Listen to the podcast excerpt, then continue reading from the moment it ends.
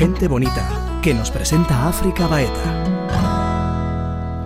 ¿Qué eres? Es quizá la pregunta más difícil de responder en esta vida y sobre todo desde nuestra mente siempre acostumbrada a delimitar. Cuando nos acercamos a la respuesta, la vida nos ayuda a recordar cuál es nuestro propósito de vida. Es cuando empezamos realmente a vivir conforme a lo que somos. Ángel María Herrera nos acompaña hoy a responder a esta pregunta, a encontrar la historia que se vive en nuestro interior y a encontrar juntos el camino hacia nuestro propósito.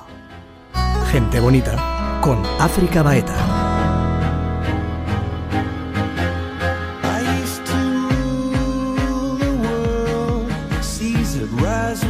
Ángel María Herrera, bienvenido a Gente Bonita. Muchísimas gracias y bueno, gracias también a todas las personas que nos acompañan, tanta gente bonita. ¿Qué eres, Ángel? ¿Qué soy? Wow, vaya pregunta así para, para empezar, ¿no? Eso es romper el, el, hielo. Espero que si alguna vez tienes que ligar no empieces por ahí diciendo ¿qué, qué A ver, te diría que, que soy alguien que le interesa mucho saber qué soy. Digamos que que esa pregunta me motiva profundamente. Y fíjate, me motiva más la pregunta que la respuesta. Eh, ¿Por qué? Porque creo que lo bonito es el proceso, el camino de descubrir la respuesta a esta pregunta, ¿no? Yo creo que eso es realmente divertido, ¿no? Porque si cuando nacemos ya supiéramos qué somos, quiénes somos y para qué estamos aquí, pues ya solo tendrías que seguramente limitarte a seguirlo, ¿no? Entonces sería bastante aburrido. Así que mm, me gustaría en este momento decir que más bien lo que soy es alguien en, en busca de, ir disfrutando del proceso de, de la pregunta. ¿Es que hay mucho sufrimiento detrás de esa pregunta de qué somos? Del hecho de no tener la respuesta o de intentar dedicar toda la vida a buscar la respuesta a esa pregunta. Sí, ya sabes eso de que el dolor es inevitable y el sufrimiento es opcional, ¿no? Y, y aquí elegimos sufrir porque se nos da muy bien pasamos tantos años eligiendo el, sufrimiento, que nos hacemos maestros de sufrimiento, ¿no? aquello de que el ser humano no es el único que tropieza dos veces con la misma piedra, sino tres, cuatro, cinco, seis. Y cuando ya ha tropezado 23, coge la piedra, se la sube a, su casa, la pone en, un, en, una estantería y dice, esta es la piedra con la que tropiezo yo, ¿no? Y ya nos hacemos aficionados a, a tropezar, ¿no? Y mm, el tema es que el ser humano tiene una necesidad intrínseca de, querer obtener todas las respuestas, de querer racionalizar todo, de querer controlar todas las cosas, ¿no? Y hasta que uno no descubre que, que la vida es inabarcable, es que no nos la podemos comer, ni en horizontal ni en vertical, y que mm, las respuestas, aunque las encontráramos, tampoco tenemos certeza de que son las respuestas correctas. O sea que si quisiéramos seguirnos errando, podríamos, ¿no? Así que para mí lo, lo bonito es disfrutar con alegría de, del camino y darnos cuenta que, la vida nos sobrepasa. Quizá eh, desde nuestra capacidad mental no podemos responder a esa pregunta, ¿no? Se nos escapa, se nos escapa de nuestra mente. Eh, yo durante muchos años he tratado de entender qué era Dios, ¿vale? Desde la razón. Me he hecho un montón de cursos, he estudiado muchos, he tenido experiencias, retiros, he coqueteado con un montón de, de religiones, de tradiciones filosóficas. Y claro, jamás podía abarcar a Dios desde mi mente, hasta que llegó un momento que decidí rendirme. Porque desde la razón no podía comprenderlo, ¿no? Y descubrí un, un cuentecito, una historia de, de San Agustín, ¿no? Que un día estaba pasando por la playa y se encontró con un, con un niño que estaba con una pala, bueno, allí era con un hoyo en la arena, cogiendo una paleta de agua y, echando hoyo allí en la arena, ¿no? Y, San Agustín se acerca y le dice, oye, niño, ¿qué haces? Dice, pues estoy aquí eh, intentando meter todo el mar en, en este hoyo. Y, San Agustín le dijo, pero eso es, es imposible, ¿no? Y dicen que el, el, niño le dijo, pues eso es lo mismo que tú estás haciendo intentando comprender a Dios, ¿no? Y dice que el niño desapareció. Y, y, al final creo que es lo mismo. Lo más que podemos llegar a hacer es tener experiencia de Dios y no perdernos en el enredo de, tratar de comprenderlo desde la razón.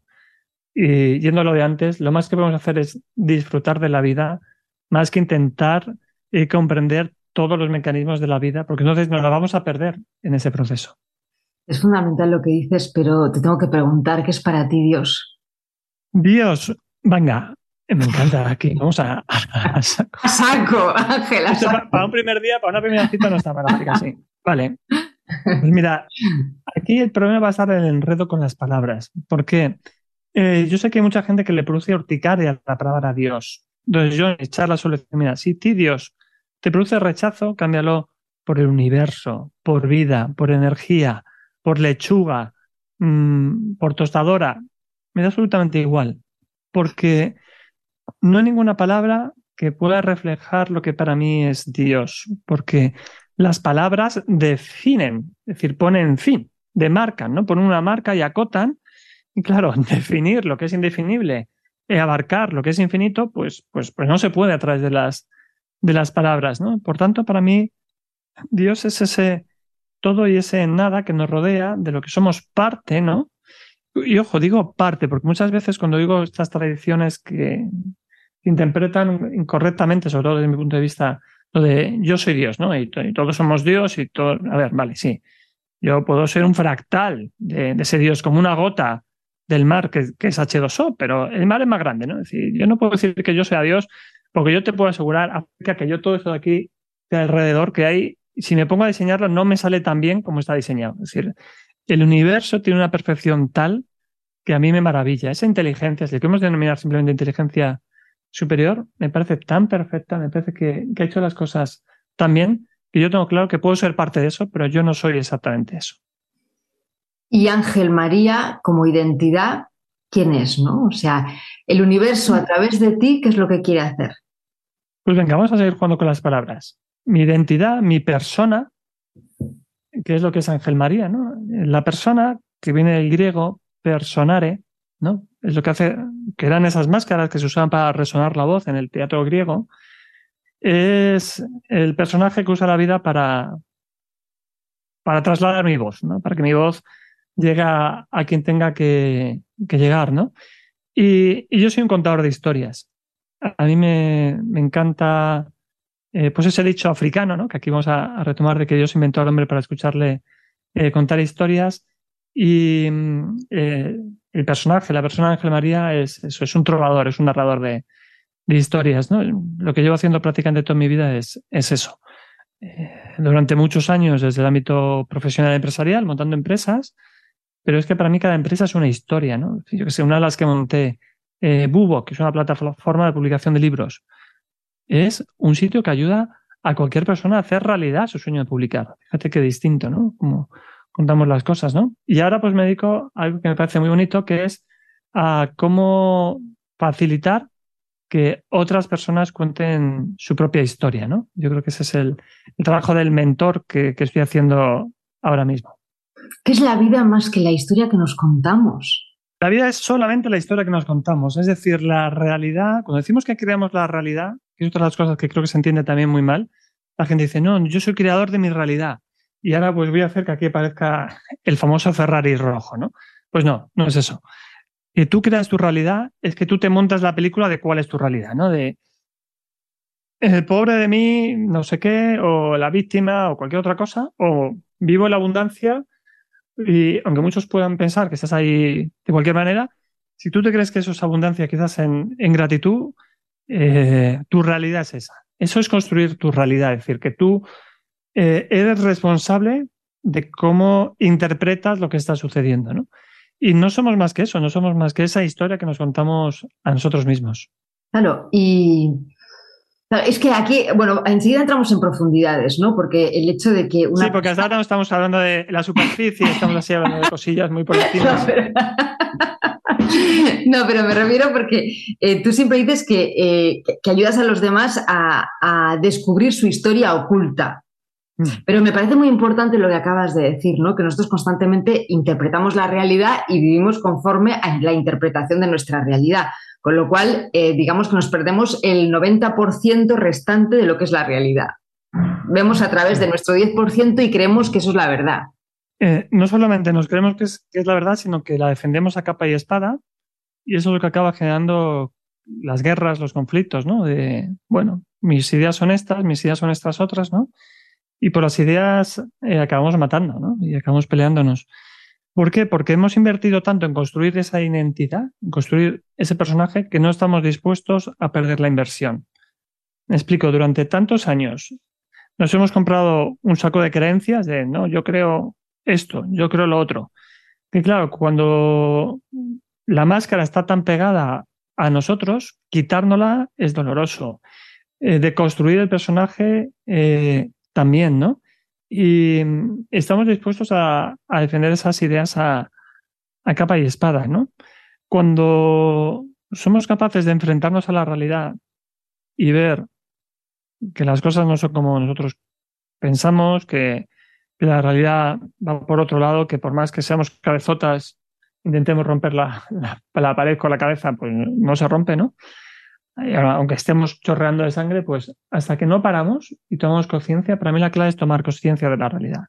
Porque a veces como estamos hablando de cosas como muy etéreas, no, si la realidad es la respuesta, y la realidad es la que te dice, mira, que por aquí no vas, que, que por más que tú sueñes y te escribas todas las mañanas que quieres ser primer ministro de no sé qué, pues no, tu realidad es otra y tienes que, que entender qué es lo que está conectado contigo, cuál es esa historia que, que habita en tu interior. Y el, fíjate, el ser humano es el único que, que se monta dramas por querer ser lo que no es. Yo todavía no he visto a ningún naranjo traumatizado por no ser un castaño, ni a ninguna abeja eh, traumatizada por, por no ser un canario. Pero el ser humano quiere ser cosas distintas de lo que cada uno es y surgen los problemas de identidad y, y si cada uno acepta es, cuál es su propósito, su función en, el mundo, creo que el mundo sería un lugar mucho mejor. Claro, pero ahí es que nos llevamos, nos dejamos llevar mucho por la fantasía de la mente, ¿no? O sea que eh, me gusta mucho cuando, cuando se dice que nos, pasamos el 90% de la vida sufriendo por cosas que nunca suceden.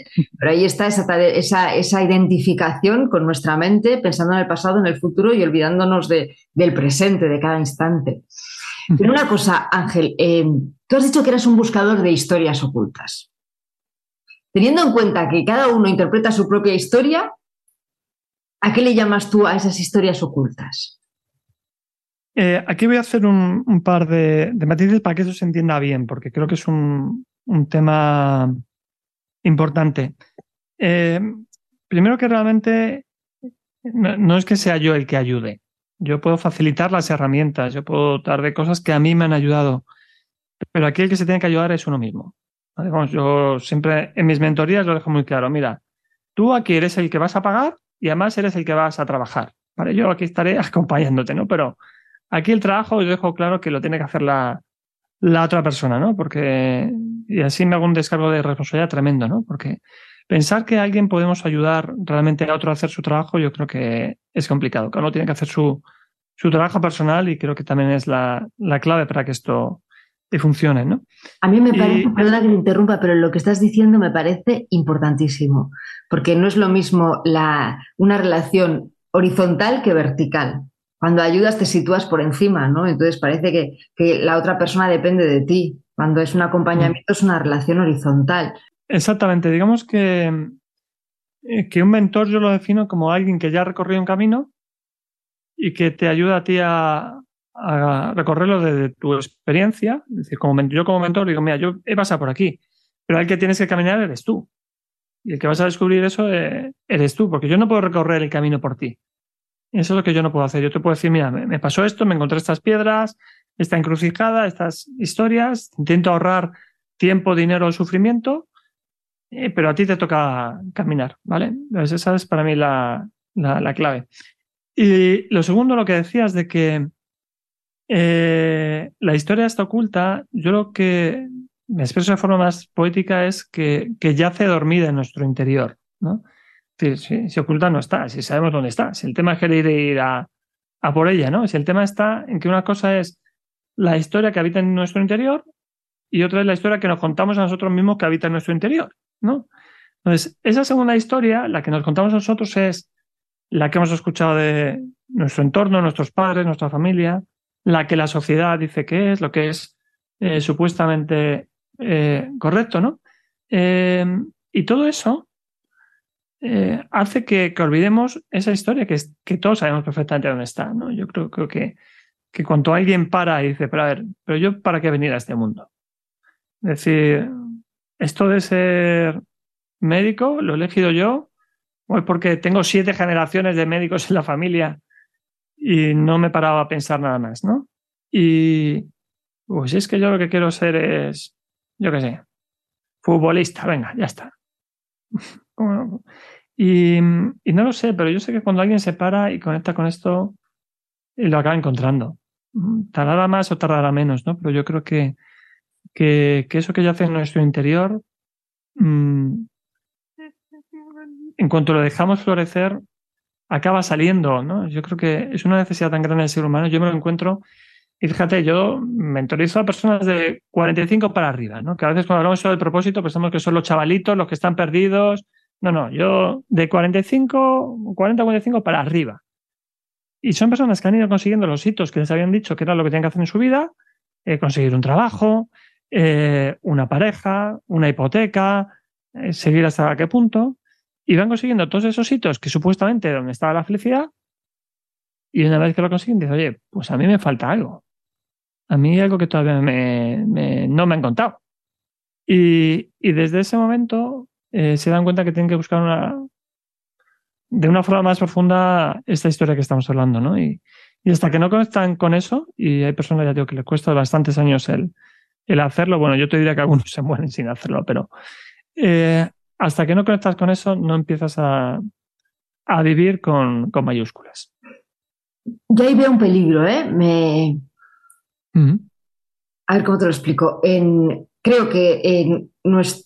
Bueno, no sé si hablar de dos tipos de propósito, ¿no? El propósito del hacer, que puede ser relacionado con el ego, y el propósito del ser, que realmente, claro. para mí, descubrir lo que somos. Y ahí veo el peligro de que, de que durante mucho tiempo vamos creando como estados compensatorios, vamos, el, ego, siempre buscando saciar esa infinitud de, atrapar, de tener, de tener, de, de, llegar a ser, de lo que nos han vendido, ¿no? Lo que tú has hecho perfectamente, ¿no? Tener un trabajo, tener una familia, tener una hipoteca, tener un coche. Y llega un momento que eso por su propio peso cae, porque eh, eh, yo creo que todos los estados compensatorios sí o sí te llevan al sufrimiento, y ahí es cuando hay una crisis. Pero el peligro que veo es eh, no llegar a la profundidad de esa respuesta y crear otro estado compensatorio más. Pero ahí la vida, en su infinita generosidad, cada vez te va a dar las hostias más rápidos y más fuertes. ¿Vale? Es decir, como tú no te des tranquila, que, que iba a llegar la vida que, a ver, de verdad, de forma más acelerada y de forma más fuerte, te va a golpear hasta que te des cuenta de ello. Es decir, eh, cuando a mí me preguntan eso de ¿El propósito es único o va cambiando a lo largo de la vida? Tiene que ver justamente con lo que tú me has dicho. Los propósitos temporales, transitorios, muy enfocados al, al hacer, claro que pueden cambiar, ¿no? Pues yo qué sé, yo he montado desde empresas, hasta he sido mentor, hasta he sido consultor de... Bueno, pero, pero es que eso no es mi propósito, no es mi razón de ser, que es algo más profundo. Entonces, para mí, el sentido último de la vida, el propósito último de la vida no cambia, que es esto de, descubrir brevemente quién, quién soy. La literatura se encuentra de muchas formas expresada, ¿no? Eh, Ken Robinson dice encontrar tu elemento, eh, Edgar Tuell lo llama despertar, a mí me da absolutamente igual la, la palabra, pero yo sí creo que el, el propósito trascendental del que tú hablabas, ese no cambia y es único a lo largo de, uh -huh. de, la vida, ¿no? Pero lo que no podemos hacer es sustituir, y muchas veces lo hacemos, ¿no? De ahora está lo material y venga, pues mi siguiente objetivo es eh, algo espiritual. Entonces caemos en otra trampa y, cuando, y nos apuntamos a un montón de cursos de desarrollo personal, a un montón de programas de espiritualidad, queremos alcanzar la, el samadhi y la iluminación y, y, vemos que eso tampoco llega, ¿no? Y volvemos otra vez al sufrimiento. Y es que nos hemos vuelto a perder en la partida y estamos repitiendo lo que yo llamo una situación jode, ¿no? Jode es joder otra de esas. y, y se trata de situaciones en las que repetimos patrones. ¿no? Y, con y, pasamos del, del, ego material al ego espiritual. Pero la trampa es la misma, ¿no? Un poco así como más elevada, pero es exactamente la misma trampa, ¿no? Entonces, aquí todo vuelve otra vez a la, a la pregunta. Precisamente tú citabas a Eckhart Tolle y Eckhart Tolle habla del de, propósito interno y el propósito externo, ¿no? El propósito del hacer y el propósito del ser y hasta qué punto tienen que estar unidos ambos propósitos, ¿no? Porque el propósito de la vida es realmente ser quién hemos venido a ser, ¿no? O sea, encontrar eh, lo que somos en nuestra esencia, más allá del, del, hacer.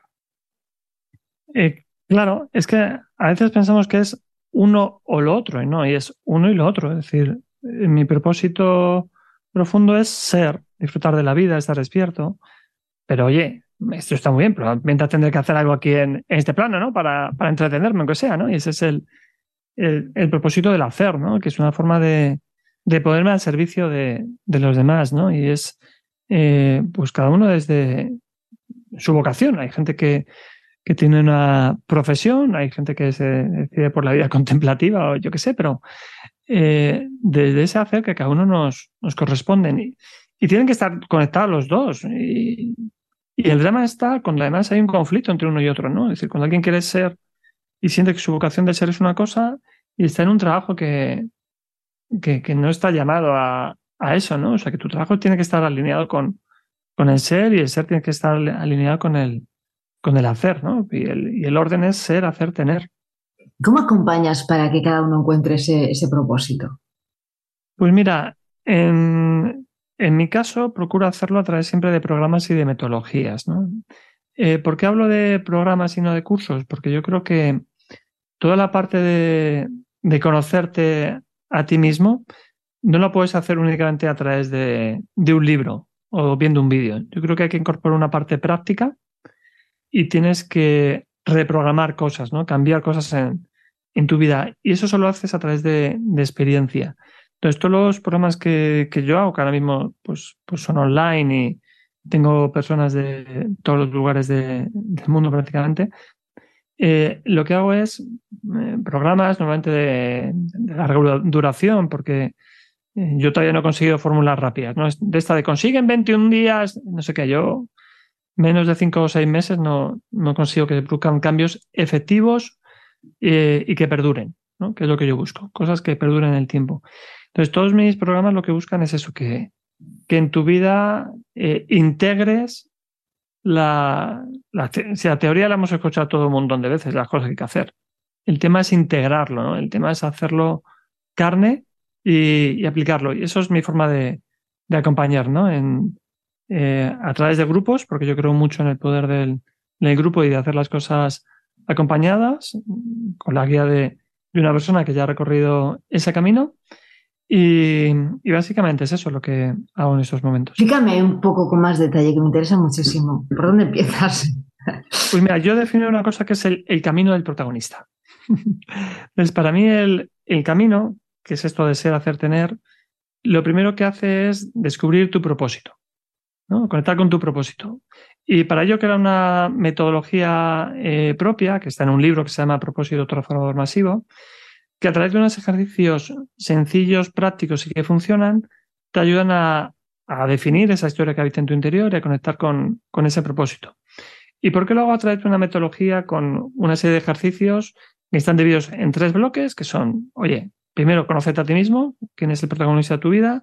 Pero conocerte, a ti mismo es una tarea de, de toda la vida. Sí, efectivamente, pero yo lo que he hecho es decir, oye, ¿cuál es? Con el mínimo trabajo, cómo conseguir mayor resultado. Yo es que soy muy vago, entonces yo procuro tener el mayor resultado con el menor trabajo. Entonces yo he descubierto, después de muchos años trabajando con muchos programas de desarrollo personal, es como los ejercicios que con un 20% de trabajo obtienes un 80% de resultado.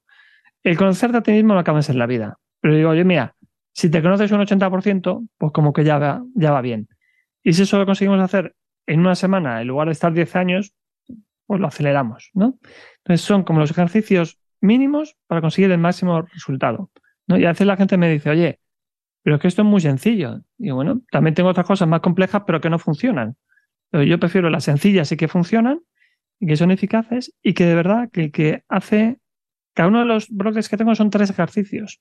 Yo hago tres ejercicios de autoconocimiento, pero son súper potentes. ¿vale? Es decir, eh, la gente que, que, lo sabe, porque yo tengo ahí cientos de testimonios grabados en mi canal de, de YouTube que dan, bueno, fe de, todo esto, eh, se dan cuenta que, claro, es que hay gente que no se haya preguntado ni cuáles eran sus valores en la vida. Si todo el mundo decimos que tenemos valores, digo, vale, enséñamelos un papel, tus siete principales valores. Bueno, pues desde eso tan simple a otra serie de cosas. Pues una vez que te empiezas a conocer lo suficiente para avanzar, eh, viene conectar con tu llamada, con tu vocación, ¿no? Y después es ponerte en el camino. un momento, un momento, perdóname, perdóname otra vez, ¿eh? pero me muchas preguntas a medida que te escucho. claro, conócete a ti mismo, pero yo también puedo pensar que soy quien no soy realmente. Mm. Yo puedo pensar que tengo unos valores y no son mis valores reales, sino mis valores adquiridos. Mm. Eh, eso es así. Y de hecho, eh, ponemos esta parte del principio, porque si nos pusiéramos a buscar el propósito sin saber quiénes somos, es altamente probable que el, el propósito que descubras no sea el tuyo, sino el de la voz de tu madre diciendo no sé qué, o el de el vecino de al lado. Claro, que ahí entra un trabajo también para desmontar como patrones, creencias instalados en nuestro inconsciente.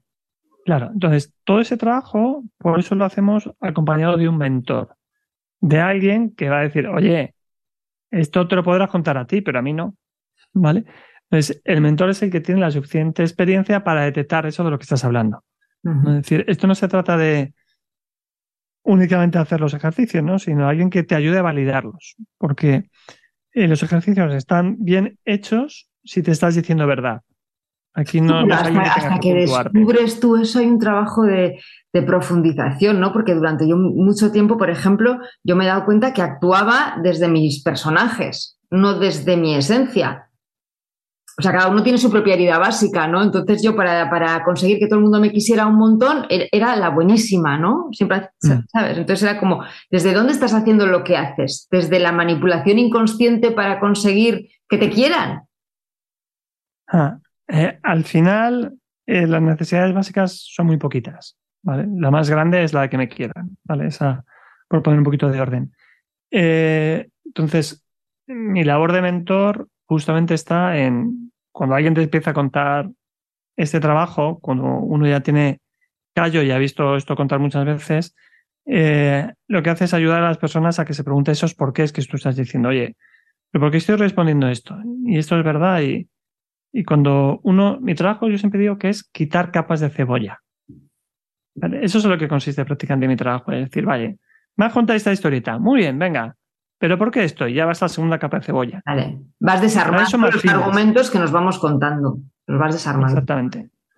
Y, y, al final llegas a esas necesidades profundas que son las prácticamente las mismas en todos los seres humanos. Hay, en función de quién estudias, algunos te dicen 15, otros 3, pero tal vez puedes intuir, ¿no? El, el, sentirse amado, el sentirse valorado, el sentirse eh, reconocido. Bueno, pues esas las podríamos enumerar, eh, son las necesidades básicas de, de, cualquier ser humano. Y se trata de identificar con todo eso expresado como herida de nacimiento, ¿no? Tío, que en función de la metodología se de una manera u otra.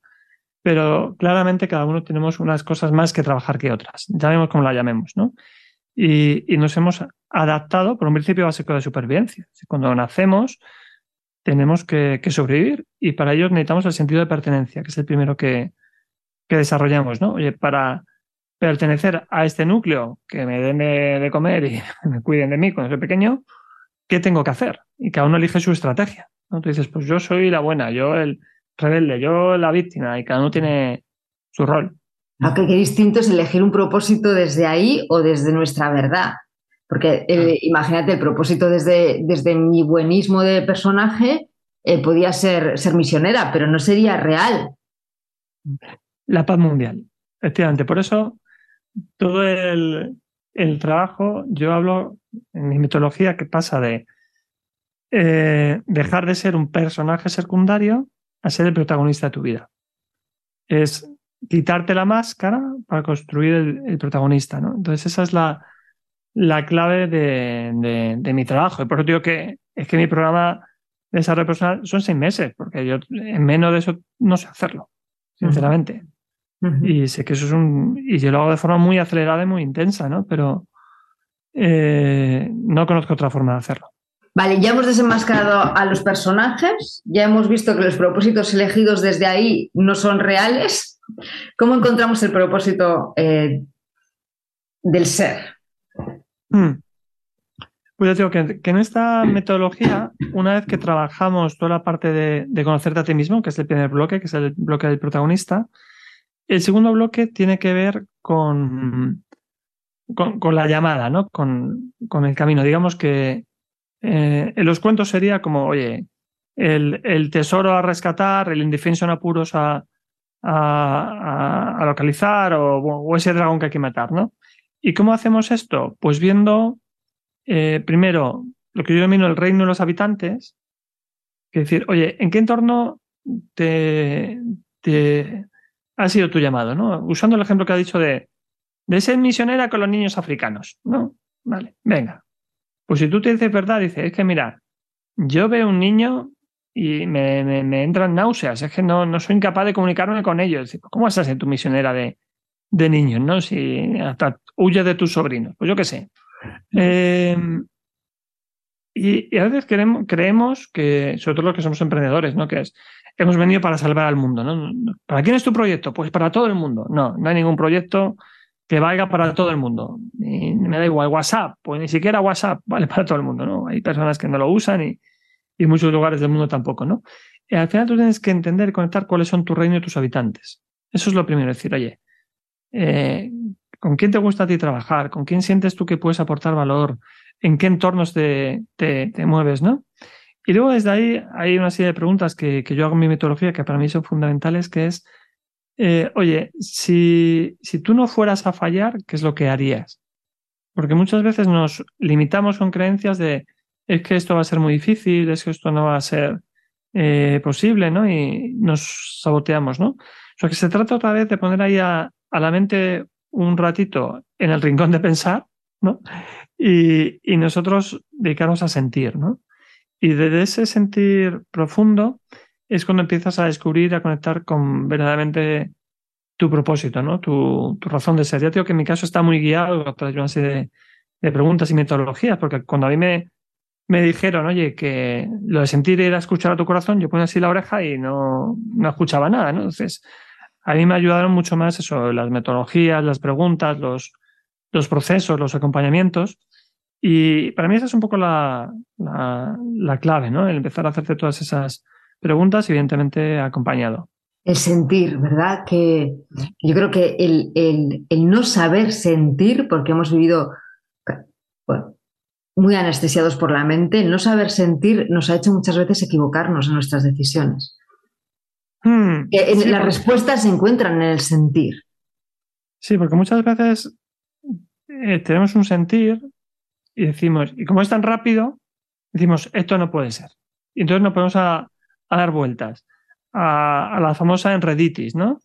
Y, y, nos contamos historias, luego intentamos analizar los pros, los contras y no sé qué, y queremos justificar racionalmente algo que, que ya sabemos desde el principio. yo creo que todas las personas cuando se paran dicen, si es que esto es lo que yo sentía, ¿no? Entonces esa brújula interna es la que tenemos que aprender a hacer caso, ¿no? Y, fíjate, claro que yo digo que, hay que seguir un método, unas preguntas y demás, pero las respuestas a esas preguntas surgen desde el sentir, ¿no? Desde, desde parar la mente y decir, oye, ¿realmente qué es lo que deseo yo? ¿Realmente eh, ¿qué, ¿qué, haría yo en esa situación? ¿Y cuál es mi llamada? ¿Y a quién quiero ayudar? ¿Y cómo lo quiero hacer? ¿no? Pero hay que pararse, ¿no? El tema es que vivimos en una sociedad tan acelerada, con tanto ruido, que nos vamos al baño y nos ponemos un TikTok o un Stories, ¿no? En lugar de, de pararnos un segundito y de hacer momentos de, silencio.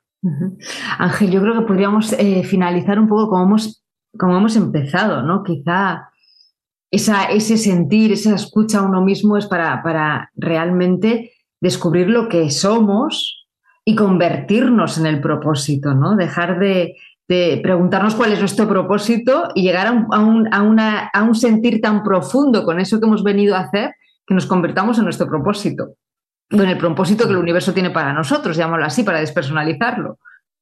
Sí.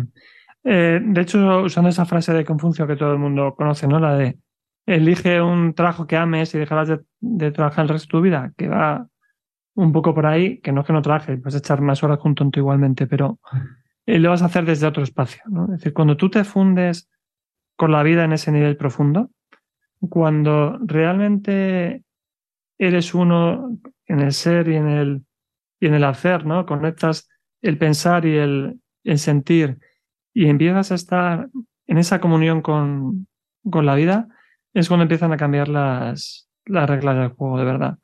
Y lo que yo invito, sobre todo a las personas, es a que todo esto que me han escuchado no se crean absolutamente nada. Pero nada, dice, pues podía haberle dicho al principio y nos ahorramos aquí toda la charla. No, porque lo que yo invito es a, que lo pongan en práctica. Que esto, que, que está muy bien, de verdad, que, que, lo aterricen de alguna manera. Que, que empiecen a conectar con ese sentir y que hagan algo práctico que les acerque hacia, hacia ahí, ¿no? Yo creo que eso es lo más bonito que, que realmente podemos hacer. Sí, pero alguien que esté muy perdido te dirá algo práctico y qué es algo práctico, ¿no? ¿Por dónde empiezo? mira, mira, aquí, como dice el otro, aquí voy a hablar de mi libro. Mira, yo ofrezco eh, programas de vez en cuando, una vez al año, un par de veces al año, programas gratuitos de descubrir tu propósito, que son un regalo. Es decir, yo eso no puedo poner precio porque tienen eh, un montón de mentoras durante una semana dedicados a ellos, eh, un montón de sesiones en directo mío, todo gratis. O sea que en mi perfil de Instagram, que es Ángel María Herrera, lo pueden encontrar. Y, eso, mira, ya es algo, algo súper práctico porque eh, de verdad que en mi caso que he ayudado ya a decenas de miles de personas a, encontrar su propósito, sé que esta metodología funciona, así que empiecen por, y si no es este, que hagan otra cosa, sé que al final me va a dar igual, pero que hagan algo, que se pongan ya hoy a buscar algo para que les ayude a conectar con, con su propósito. Gracias Ángel. Gracias a ti también, África.